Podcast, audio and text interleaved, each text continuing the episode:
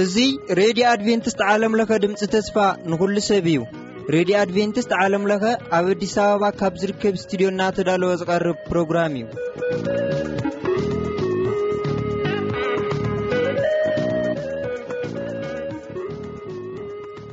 እዚ ትከታተልዎ ዘለኹም ረድዮኹም ረድዮ ኣድቨንቲስት ዓለም ለኸ ድምጺ ተስፋ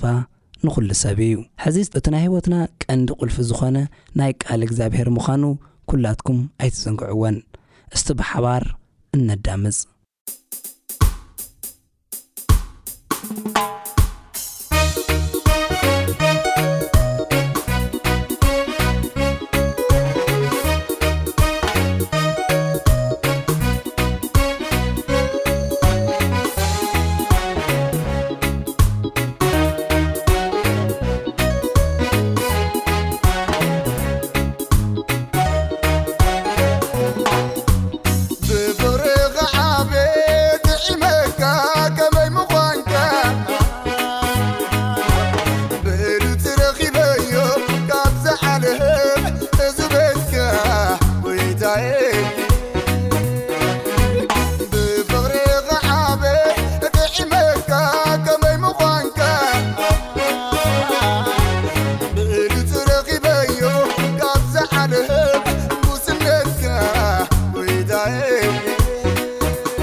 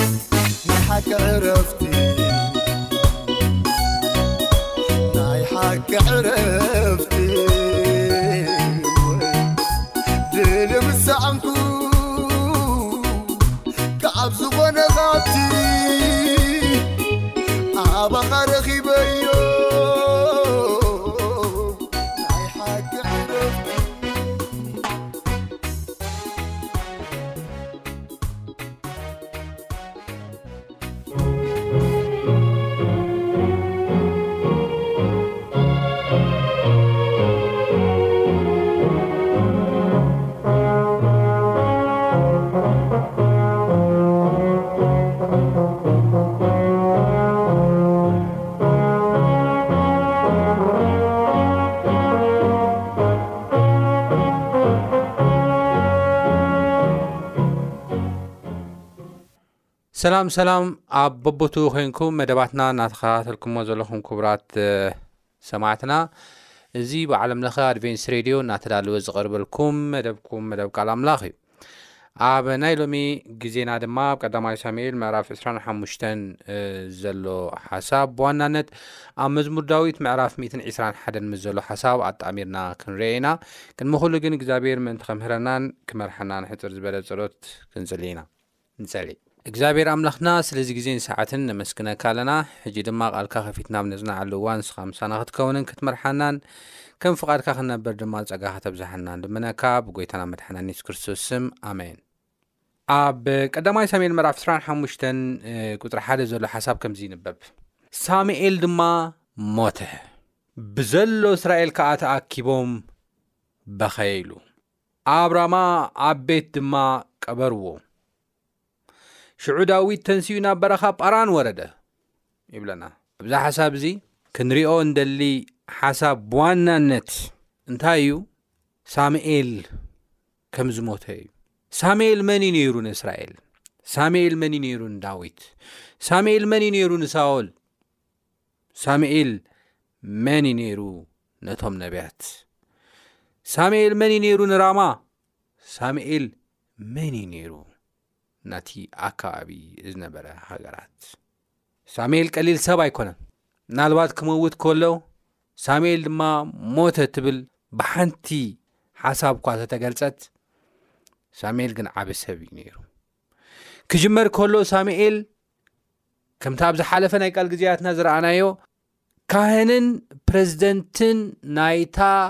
እስራኤል ትበሃል ሃገር እዩ ነይሩ መጀመርያ ማለት ምክንያቱ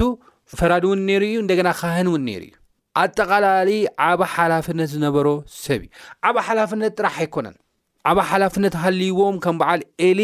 ዘባላሸዉ ነቲ ህዝቢ መቕዘፍቲ ዝኾኑ ንክቕዘፍ ንክሽገር ናብ ሓደጋ ንክወድቕ ክብዕልግ ሓጢኣት ክገብር ምክንያት ዝኾኑ ሰባት ነይሮም እዮም ነገር ግን ሳሙኤል ፈራድን ካህንን ጥራሕ ዘይኮነ ነገር ግን እሙንን ጻድቕን ንህዝቡ ዝሓልን ንእግዚኣብሔር ዝፈርሕን ከም ፍቓድ ኣምላኽ ድማ ዝኸይድ ሰብ እዩ ነይሩ ስለ ህዝቡ ዝጽሊ ህዝቡ ቓል ኣምላኽ ንኽፈልጡ ምሕረት ኣምላኽ ኣብ ህይወቶም ክኸውን ኩሉ ግዜ ዝፅዕር ቃል ኣምላኽ ዘምህር ሰብ እዩ ነይሩ ኢንፋክት ናይ መጀመርያ ናይ ነቢያት ትምህርቲ ቤት ኢሉ ዘዳለወ ናይታ ትምህርቲ ቤት እቲኣ ፕረዚደንት ሓላፊ ሳሙኤል እዩ ነይሩ እዚ ድማ እቲ ህዝቢ ብቓል ኣምላኽ ክዓቢ እግዚኣብሔር ኣምላኽ ክፈልጦ ፍቕሪ ኣምላኽ ክርድኦ ምሕረት ኣምላኽ ክርድኦ ሕጋጋትን ስርዓታትን ኣምላኽ ክርድኦ ንክገብር ኢሉ ናይ መጀመርያ ትምህርቲ ቤት ናይ ነብያት ትምህርቲ ቤት ዘዳለወ ናይታ ትምህርቲ ቤት ድማ ርእሰ መምህር ዝነበረ ንሱ እዩ ነይሩ ንሱ ጥራሕ ኣይኮነን ንሱ ጥራሕ ኣይኮነን ክልተ ነገስታት ዝቐብአ እውን ዓብዪ ንጉስ እዩ ነይሩ ከም ዝበልኩኹም ፈራድን ካህንን ዝነበረ ሰብ እኳ እንተነበረ ድሓርቲ ህዝቢ ንስኻደ ድሕሪና ክትከይድ ስለ ዘይከኣልካ ዓብኻ ስለ ዝኾንካ ኣሪካ ስለ ዝኾንካ ደቅኻ ከዓ ብመንገድኻ ስለ ዘይከዱ ብዝብል እቲ ህዝቢ ምክንያት መስ ኣቕረበሉ ስለዚ ንጉስ ኣንግሰልና ቀቅድሜና ዝኸይድ ውግእና ዝዋግኣልና ንጉስ ኣንግሰልና ምስ በልዎ ሳሙኤል ስልጣኑ ንምሕላው እቲ ዝነበሮ ክብሪ ንምሕላው ኣይማተአን ትሑት ሰብ እዩ ነይሩ ናይ ኣምላኽ ሰብ እዩ ነይሩ ምስ ኣምላኽ እዩ ተዘራሪቡ ምስ ኣምላኽ እዩ ተማኺሩ ምስ ኣምላኽ እዩ ተላዚቡ ብጸሎት ኣምላኽ ከዓ እዚ ንኣኻ ዘይኮነን ዓዮም ንዕቖምን እዩ ስለዚ ከም ፍቓድ ልቦም ግበረሎም ነገር ግን ስርዓት ንጉስ ንገሮም ኢሉ እግዚኣብሄር ከም ዝነገሮም ኢና ንርኢ ምክንያቱ ዝመርሖም ዝነበረ ሳሙኤል ዘይኮነስ መንፈስ ኣምላኽ ብሳሙኤል ገይሩ እዩ ዝመርሖም ነይሩ እግዚኣብሄር ንብዙሕ ዘመናት ብሰባት ገይሩ ባዕሉ ከም መራሒ ኮይኑ እዩ ዝመርሖም ነይሩ ስለዚ እቲ ናይ እግዚኣብሄር ኣገዛዝኣ ወይ ድማ እቲ ናይ እግዚኣብሄር መንግስቲ እዮም ንዕቖም እምበር ንዓኻ ኣይኮነ ንዕቖም ስለዚ ስርዓት ንጉስ ንገሮም ኢሉ ብደንቢ ክነግሮም ከም ዝገበረ ኢና ንርኢ ስለዚ ሳሙኤል ኣነ ስልጣነ ክሕሉ እየ ካህንን ሓላፍ ፈራድን እየ ኮ ስለዚ ስልጣነ ክሕሉ እየ ከምቲ ሳኦል ዝገበሮ ኢሉ ኣየንገራገረን ኣይጽዓረን ካልእ ውዲታት ሽርሕታት ኣይገበረን ሳኦል እኮ ኣብ ዝሓለፈ ናይ ቃል ግዜያትና ከም ዝረኣናዮ ክሳብ መጨረሻ ቀዳማይ ሳሚኤል እውን ከይናም ንሪኦ ኣለዋን ስልጣኑ ንምሕላው እታ ስልጣኑ ከዓ ንደቁ ንምሕላፍ ዘይገበሮ ነገር የለን ዳዊት ከም ዝተቐብአ ምስ ሰምዐ ንዳዊት ክቐትል ኩሉ ስርሑ ገዲፉ እቲ ዋና ስርሑ ንዳዊት ንምቕታል ኢሉ ፕላን ኣውፅኡ ይሃድኖ ከም ዝነበረ ኢና ንርኢ ይሃድኖ ከም ዝነበረ ብዝኸዶ ኩሉ እናኸደ ክቐትሎ ምክንያቱ ዳዊት እቲ ወራሲ እቲ ንጉስ ክኸውን ዝበሃል ዘሎ እንተ ደኣ ሞይቱ ኣነ እቲ ንግስናይ ክፀኒዕ እዩ እታ ንግስና ካባይ ሓሊፋ እውን ንወደይ ንዮናታን ክትከውን እያ ኢሉ ብምሕሳብ ክንደይ ፃዕሪ ገይሩ ኣንፎርቹነትሊ ዘይምዕዳል ኮይኑ ክቐትሎ ይከኣለን ሳሙኤል ምስ ወዱ ምስ ዮናታን ኣብ ሓንቲ ግንባር ከም ዝሞቱ ኢና ንርኢ ማለት እዩ። ሳሙኤል ግን ከምኡ ይገበረን ናይ ኣምላኽ ሰብ እዩ ነይሩ፣ እግዚኣብሔር ዝፈርሕ ሰብ እዩ ነይሩ፣ ስልጣን ስልጣን ኢሉ ዝጓየ ሰብ ኣይነበረን፣ እቲ ስልጣን ናቱ እዩ ነይሩ፣ ናይ ሳሙኤል እዩ ነይሩ ማለት እግዚኣብሔር ብኡ ተጠቂሙ እዩ ኩሉ ነገር ዝሰርሕ ነይሩ። ስለዚ እዚ ከምዚ ምስ በሎም መጀመርያ ምስ እግዚኣብሄር እዩተማኪሩ እግዚኣብሄር ድማ እዚ ንዓኻ ኣይኮነን ንዒቆም እስኻ ንጉስ ከይትኾኑን ስኻ ፈራዲ ከይትኾኖም ጥራሕ ኣይኮነን ደልዮም ዞም ሰባት እዚኦም ነገር ግን ንዓዮም ንዒቆም ስለዚ ዝበሉካ ግበረሎም ነገር ግን ስርዓት ንጉስ ግበሮም ንገሮም ኢሉ እቲ ስርዓት ንጉስ ከም ዝነገሮም ኢና ንርኢ ንጉስ ከንግሰልኩምእ ነገር ግን ንጉስ ፀፅቡቁ መናእሰያትኩም ጸጽቡቑ ፍርያትኩም ብምሉኡ ከም ዝወስድ ከም ዘጨነቐኩም ባሮቱ ክትኮኑ ኢኹም ኢሉ ከም ነገሮም ኢና ንርኢ ኢብን እዚ እኳ እናነገሮም ክምለሱ ብዘይምኽኣሎም እቲ ንጉስ ከም ዘንገሰሎም ናይ መጀመርያ ንጉስ ናይ እስራኤል ከዓ ሳኦል ከም ዝኾነ ኢና ንርኢ ሳኦል ብናይቲ ህዝቢ ምርጫ እዩ እቲ ህዝቢ ውሽጣዊ ዝኾነ ባህርያት ኣብ ክንዲ ምርኣይ ልክዕ ከምቲ ኣህዛብ ዝገብርዎ ደጋዊ ትርኢቱ መጎስ ዘለዎ ቁመት ዘለዎ ምልኩዕ ደጋዊ ነገር ብምርኣይ ንሳኦል ከም ዝመረፅዎ ኢና ንርኢ ነገር ግን ሳኦል ባህሪኡ ኣብ ዝሓለፈ ቃል ግዜያትና ከም ዝረኣናዮ እዩ ኣፕሩቫል ዝደሊ ናይ ሰብ ኣድናቆት ዝደሊ ናይ እግዚኣብሄር ቃልካ ምስማዕ እዝኑ ዝዓፁ ስልጣን ኣምላኽ ዝኾነ ሰብ ኢና ሰብ እዩ ነይሩ ማለት እዩ ስለዚ በዚ መልክዕ እዚ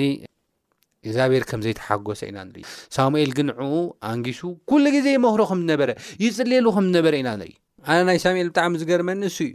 ኩሉ ግዜ ይፀልየሉ ከም ዝነበረ ይመክሮ ከም ዝነበረ እግዚኣብሔር ዝበለካ ግበር እናበለ ኩሉ ግዜ ይመርሖ ከም ዝነበረ ኢና ንርኢ ነገር ግን ሳኦል ክሰምዕ ኣይከኣለን ክሰምዕ ኣይከኣለን ካብ ዝተላዕለ እንደገና ሳሙኤል ካልኣይ ንጉስ ከም ዝቐብአ ንሱ ድማ ዳዊት ከም ዝቐብኦ ኢና ንርኢ ማለት እዩ ስለዚ ሳሙኤል ንሳኦል ኮነ ንዳዊት ኣማኻሪኦም ስሊኦም ዝፅሊ ቃል ኣምላኽ ዘምህሮም ናብ እግዚኣብሔር ክቐርቡ ዝገብሮም ዓብዪ ሰብ እዩ ነይሩ ንህዝቢ እስራኤል ዝመኽሮም እቲ ዘዋፅኦም ዝመኽሮም እዩ ነይሩ ኣብ ጭንቀቶም ስለ እዮም ፀልዩ መፍትሒ ካብ እግዚኣብሄር ንክመፅእ ዝገብር ሰብ እዩ ነይሩ ብዙሕ ነገር እዩ ነይሩ ማለት እዩ ኢንፋክት ኣሪጉ ግን መፅሓፍ ቅዱስ ክዛረበና ከሎ ሳሙኤል ሞተ ይብለና ሳሙኤል ድማ ሞት የብለን እዚ ክሳብ ክንደይ ኣብ እስራኤል ክሳብ ክንደይ ንሳኦልን ንደቁን ክሳብ ክንደይ ንዳዊት ሓዘን ከም ዝኾነ ክሳብ ክንደይ ጓሂ ከም ዝኾነ ክሳብ ክንደይ ከም ተሰምዖም ተሓዘን ምግማቱ ዝዓበየና ይመስለኒ ከቢድ እዩ ኮይኑዎም መፅሓፍ ቅዱስን ክዛረበና ከሎ ብዘለው እስራኤል ከዓ ተኣኪቦም በኸይሉ እዩ ዝብለና ብዘሎ ምክንያቱ ሳሙኤል ተራ ሰብ ኣይነበረን ሳሙኤል ትሑት ሰብ እዩ ነይሩ ናይ እግዚኣብሄር ሰብ እዩ ነይሩ ስለ ህዝቡ ስለ ዓዱ ስለ ግለሰብ ዝሓስብ ዝሓሊ ቃል ኣምላኽ ዘምህር ናብ እግዚኣብሄር ክቐርቡ ዝፅሊ ሰብ እዩ ነይሩ ሓዚኖም ሓዘን ጥራሕ ኣይኮነን ሳሙኤል ብምማቶ እውን ኢንሰኪርድ ከም ተሰምዖም ኢና ንርኢ ዳዊት ኣይቀበሮን ምክንያቱ ሳኦል ሳዶ ስለ ዝነበረ ናብ በረኻ ፓራን ከም ዝኸደ ኢና ንርኢ ስለዚ ኩሉ ወይ ሳሙኤል ተሞይቱ ደኣ እንታይ ክውሕጠና እዩ እንታይ ከውሕጠና እዩ ኣበይ ክንኣቱ ኢና ጸላእትና መጽኦም ክውሕጡና እዮም ዳዊት ከዓ ሳኦል መጺኡ ክውሕጠኒ እዩ በቃ ሳኦል ድማ በቃ ጸላእተይ ፍልስጤማውያን መጽኦም ክውሕጡኒ እዮም እግዚኣብሔር ካባይ ተፈልዩ መቕዘፍቲ እግዚኣብሔር ካባይ ክመጽእ እዩ ኩሉ ግለሰብ እቶም ህዝቢ ኸኣ ንሕና እናተዛረበና ሳሙኤል ንጉስ ኣይተንግሱ እግዚኣብሄር ንዑ ኣይትንዓቕዎ ንሱ እዩ ንጉስኩም ንምንታይ ትደልዩ እናበለ እናመኸረና እምቢ ብምባልና እንታይ ከውሕጠና እዩ ብዝብል ኩሉ ህዝበ እስራኤል ኢንሰኪርድ ከም ተሰምዖ ፍርሓት ከም ተሰምዖ እንታይ ኮን ክውሕጠና እዩ ካብ ሓዘን ብተወሳኺ ከምዚ ባድኦም ጥርሖም ከም ዝኾኑ ከም ተሰምዖም ኢና ንርዳእ ኣብዚ ቃል እዚ ማለት እዩ ናይቲ ህዝብን ናይ ሳኦልን ምላሽ ኣይንርእና ዳዊት ግን በኺሉ ሓዚንሉ ከምዚ ዓይነት ፊሊንግ ወይ ድማ ከምዚ ዓይነት ሓዘን ምስ ተሰምዖ ኣብ መዝሙር ምዕራፍ 121 ከምዚ ኢሉ ዘሚሩ ንረኽቦ መዝሙር ዳዊት ምዕራፍ 121 ከምዚ ይንበብ ኣዒንተይ ናብ ኣኽራን እልዕል ኣለኹ፣ ረድኤተይ ካበይ እዩ ዚመጸኒ? ኣብ ኣኽራን እዩ ዚዘውር ነይሩ፣ ካብ ሳኦል ንኺሕባእ ናብትን ናብትን እዩ ዚብል ነይሩ፣ ነገር ግን ካበይ እዩ ዚመጸኒ? በቃ ሳሙኤል ሞይቱ እዩ፣ ካበይ እዩ ዚመጽእ? የለን ረድኤተይ ኣብ ምድሪ ኣሎ ዚብሎ ዘማኽሮ፣ ከይደ ተሓቢኤ ዝነግሮ ጸልየለይ ዝብሎ የለን። ኣዒንተይ ናብ ኣኽራን እልዕል ኣለኹ፣ ረድኤተይ ካበይ እዩ ዚመጸኒ? ረድኤተይሲ ካብቲ ሰማይን ምድርን ዝገበረ እግዚኣብሄር እዩ ዝመጸኒ። ንሱ ንእግርኻ ኣይሰናኽልን ሓላዊኻ ኸኣ ኣይታኸስን እዩ። እነሆ እቲ ንእስራኤል ዝሕሉ ኣይታኸስን ኣይድቅስን እዩ። እግዚኣብሄር ሓላዊኻ እዩ። እግዚኣብሄር ኣብ የማኒት ኢድካ ጽላልካ እዩ። እግዚኣብሔር ሓላዊኻ እዩ እግዚኣብሔር ኣብ የሚኒቲ ኢድካ ጽላልካ እዩ ፀሓይ ብመዓልቲ ወርሒ ብለይቲ ኣይክወቕዓካን እዩ እግዚኣብሔር ካብ እከይ ዘበለ ክሕልወካ ነፍስኻ ክሕልዋ እዩ እግዚኣብሔር ካብ ሕጂ ንዘለዓለም ምውፃእካን ምእታውካን ክሕሉ እዩ ይብለና ኣብዚ ሓሳብ ዝኸድና ወ ዳዊት ባዶነት እኳ ተተሰምዖ ዳሓር ግን እንታይ ኢሉ ዓይንተይ ናብ ኣኽራን ኣልዕላ ኣለኹን ምስ በለ ናብ ሰማይ ኢሉ ኢሉ ናብ ሰማይ መሰልዓለ ረድኤተይሲ ካብቲ ሰማይን ምድርን ዝገበረ እግዚኣብሄር እዩ ዝመፀኒ ኢሉ ክዛረብ ኮሎ ኢና ንርኢ ረድኤተይ ካብ ሰብ ኣይኮነን እቲ ረድኤቱ እቲ ተስፍኡ በቲ ዝሓልፍ ደካማ ሰብ ዝገብር ስርጉም ይብለና መፅሓፍ ቅዱስ ተስፋና ኣብ ሰብ ተስፋና ኣብ ምድራዊ ነገር ክንገብር የብልናን ምድራዊ ነገር ኩሉ ጠፋ እዩ ኣብኡ ኹን ምስረት የብልናን ኩሉ ምድራዊ ነገር ጠፋ እዩ ዳዊት ኣብ ኣዝዩ ከቢድ ጭንቀት እዩ ነይሩ ኣብ ኣዝዩ ከቢድ ስደት እዩ ነይሩ ሳኦል ከጥፍኦ እዩ ዝብል ነይሩ ሳሙኤል ምጥፍኡ ከዓ ምክንያቱ ሳኦል ንሳሙኤል እናፈርሐ እኳ ዝገብሮ ንእሸይ ምሕረት ዝገብሮ ነገር ነይሩ እዩ ሳሙኤል ምስ ጠፍእ ከዓ ክውሕጠኒ እዩ ዝብል ፍርሒ ከም ባዶ ጥርሑ ከም ዝተረፈ እዩ ተሰሚዕዎ ነገር ግን ዳዊት ካልኣይ ርኣየን ናብ ላዕሊ ኣዒንቱ ናብ ላዕሊ እቢሉ ናብ ሰማይ እቢሉ ረድኤተይሲ ካብቲ ሰማይን ምድርን ዝገበረ እግዚኣብሄር እዩ ዝመፀኒ ኢሉ ከም ዝተዛረበ ኢና ንርኢ ንሱ ንእግርኻ ኣይሰናኽልን እዩ ሓላዊኻ ኸ ኣይታኸስን እዩ እኖ እቲ ንእስራኤል ዝሕሉ ኣይታኸስን ኣይድቅስን እዩ እግዚኣብሄር ሓላዊኻ እዩ እግዚኣብሄር ኣብ የማነይቲ ኢድካ ፅላልካ እዩ ፀሓይ ብመዓልቲ ወርሒ ብለይቲ ኣይክወቕዓካን እዩ እግዚኣብሄር ካብ እብከይ ዘበለ ክሕልወካን ነፍስኻ ክሕልዋ እዩ እግዚኣብሔር ካብ ሕጂ ንዘለዓለም ምውጻእካን ምውጣብካን ክሕሉ እዩ ኢሉ ረድኤቱ ሰማይን ምድርን ዝገበረ እግዚኣብሔር ከም ዝኾነ ረድኤቱ በቲ ፈጣረ ከም ዝኾነ ክዛረብ ኮሎ ኢና ንርኢ ማለት እዩ እዋ ኣሕዋተይ ሎሚ ኣለኒ ንብሎ ፈታዊና ከም ሳሙኤል ክኸውን ይኽእል ኣለኒ ንብሎ ምድራዊ ዝኾነ ሃብቲ ንብረት ይኹን ነገር ኣብኡ ተስፋ ክንገብር የብልናን ምክንያቱ ጠፋ እዩ ተስፋና ሙሉእ ብምሉእ ክኸውን ዘለዎ ልብና ሙሉእ ብምሉእ ክዓርፍ ዘለዎ ኣብቲ ሰማይን ምድርን ዝገበረ እግዚኣብሄር እዩ እግዚኣብሄር ተስፋ ዝገብሩ ኩሎም ዝተባረኹ እዮም ይብለና መፅሓፍ ቅዱስ ንሱ ኣብኡ ተስፋ ንዝገበረ ንዕኦም ንምሕላው ኣይታኸስን እዩ ንእግርና እውን ንክሰናኸል ኣይሓድገንን እዩ ንሱ ሓላዊና እዩ ንሱ ጽላልና እዩ። ጸሓይ ብመዓልቲ ወርሒ ብለይቲ ንኸይወቕዓና ንሱ ጽላልና እዩ። ንሱ እግዚኣብሄር ካብ እከይ ዘበለ ክሕልወና ነፍስና እውን ክሕልዋ ይኽእል እዩ። እግዚኣብሄር ካብ ሕጂ ንዘለኣለም ምውፃእናን መእታውናን ይሕሉ እዩ። ስለዚ ብኡ ተስፋ ንግበር፣ ናብኡ ንምፃእ፣ ኣብኡ ድማ ንደገፍ፣ ንዑ ድማ ንርኣይ። ዳዊት ኣብ ዝጸልመቶ ግዜ፣ ሳሙኤል ኣብ ዝመተሉ እዋን ከምዚ ኢሉ እዩ ዘሚሩ፣ ምእታወይን ምውጻኤን ዝሕሉ፣ ጽላለይ፣ ጸግዐይ፣ ከውሐይ፣ ከይተታኸሰ ኩሉ ግዜ ዓይኑ ሰለም ከየበለ ዝሕልወኒ ጎይታ እዩ፣ ኢየሱስ እዩ፣ እግዚኣብሄር እዩ ኢሉ ብኡ ክእመን ከሎ ኢና ንርኢ። ሎሚ እውን ብኡ ንተኣመን። ኣብ ዝተፈላለየ ቦታታት ኮይንኩም እቲ ትእመንዎ ዝነበርኩም እቲ ትድገፍዎ ዝነበርኩም ኩሉ ዝጠፋኣኩም እግዚኣብሄር ግን ረድትኩም እዩ እግዚኣብሄር ግን ፅላልኩም እዩ እግዚኣብሄር ግን ሓላዊኹም እዩ እግዚኣብሄር ይመስገን ዳዊት ዝተጠቀመሉ ሰለስተ ነገራት ኣሎ እግዚኣብሄር ሓላዊና እዩ እግዚኣብሄር ፅላልና እዩ እግዚኣብሄር ድማ እግዚኣብሄር ረዳኢና እዩ እወ እግዚኣብሄር ረዳኢና እዩ እግዚኣብሄር ሓላዊና እዩ እግዚኣብሄር ድማ ፅላልና እዩ እዩ ዝብል ኣብዚ ሓሳብ እዚ እዘን ቃላት እዚኤን ኬድና ብ ንሪእየለን እዋን ኣስፋሕ ኣቢልና ብ ንሪእየለን እዋን ኣብ ኣዝዩ ኣሸጋሪ እዋን ሰባት እኳ ካባና ኣብ ዝረሓቁሉ እዋን ክሰምዑና እኳ ኣብ ዘይደልዩሉ እዋን፣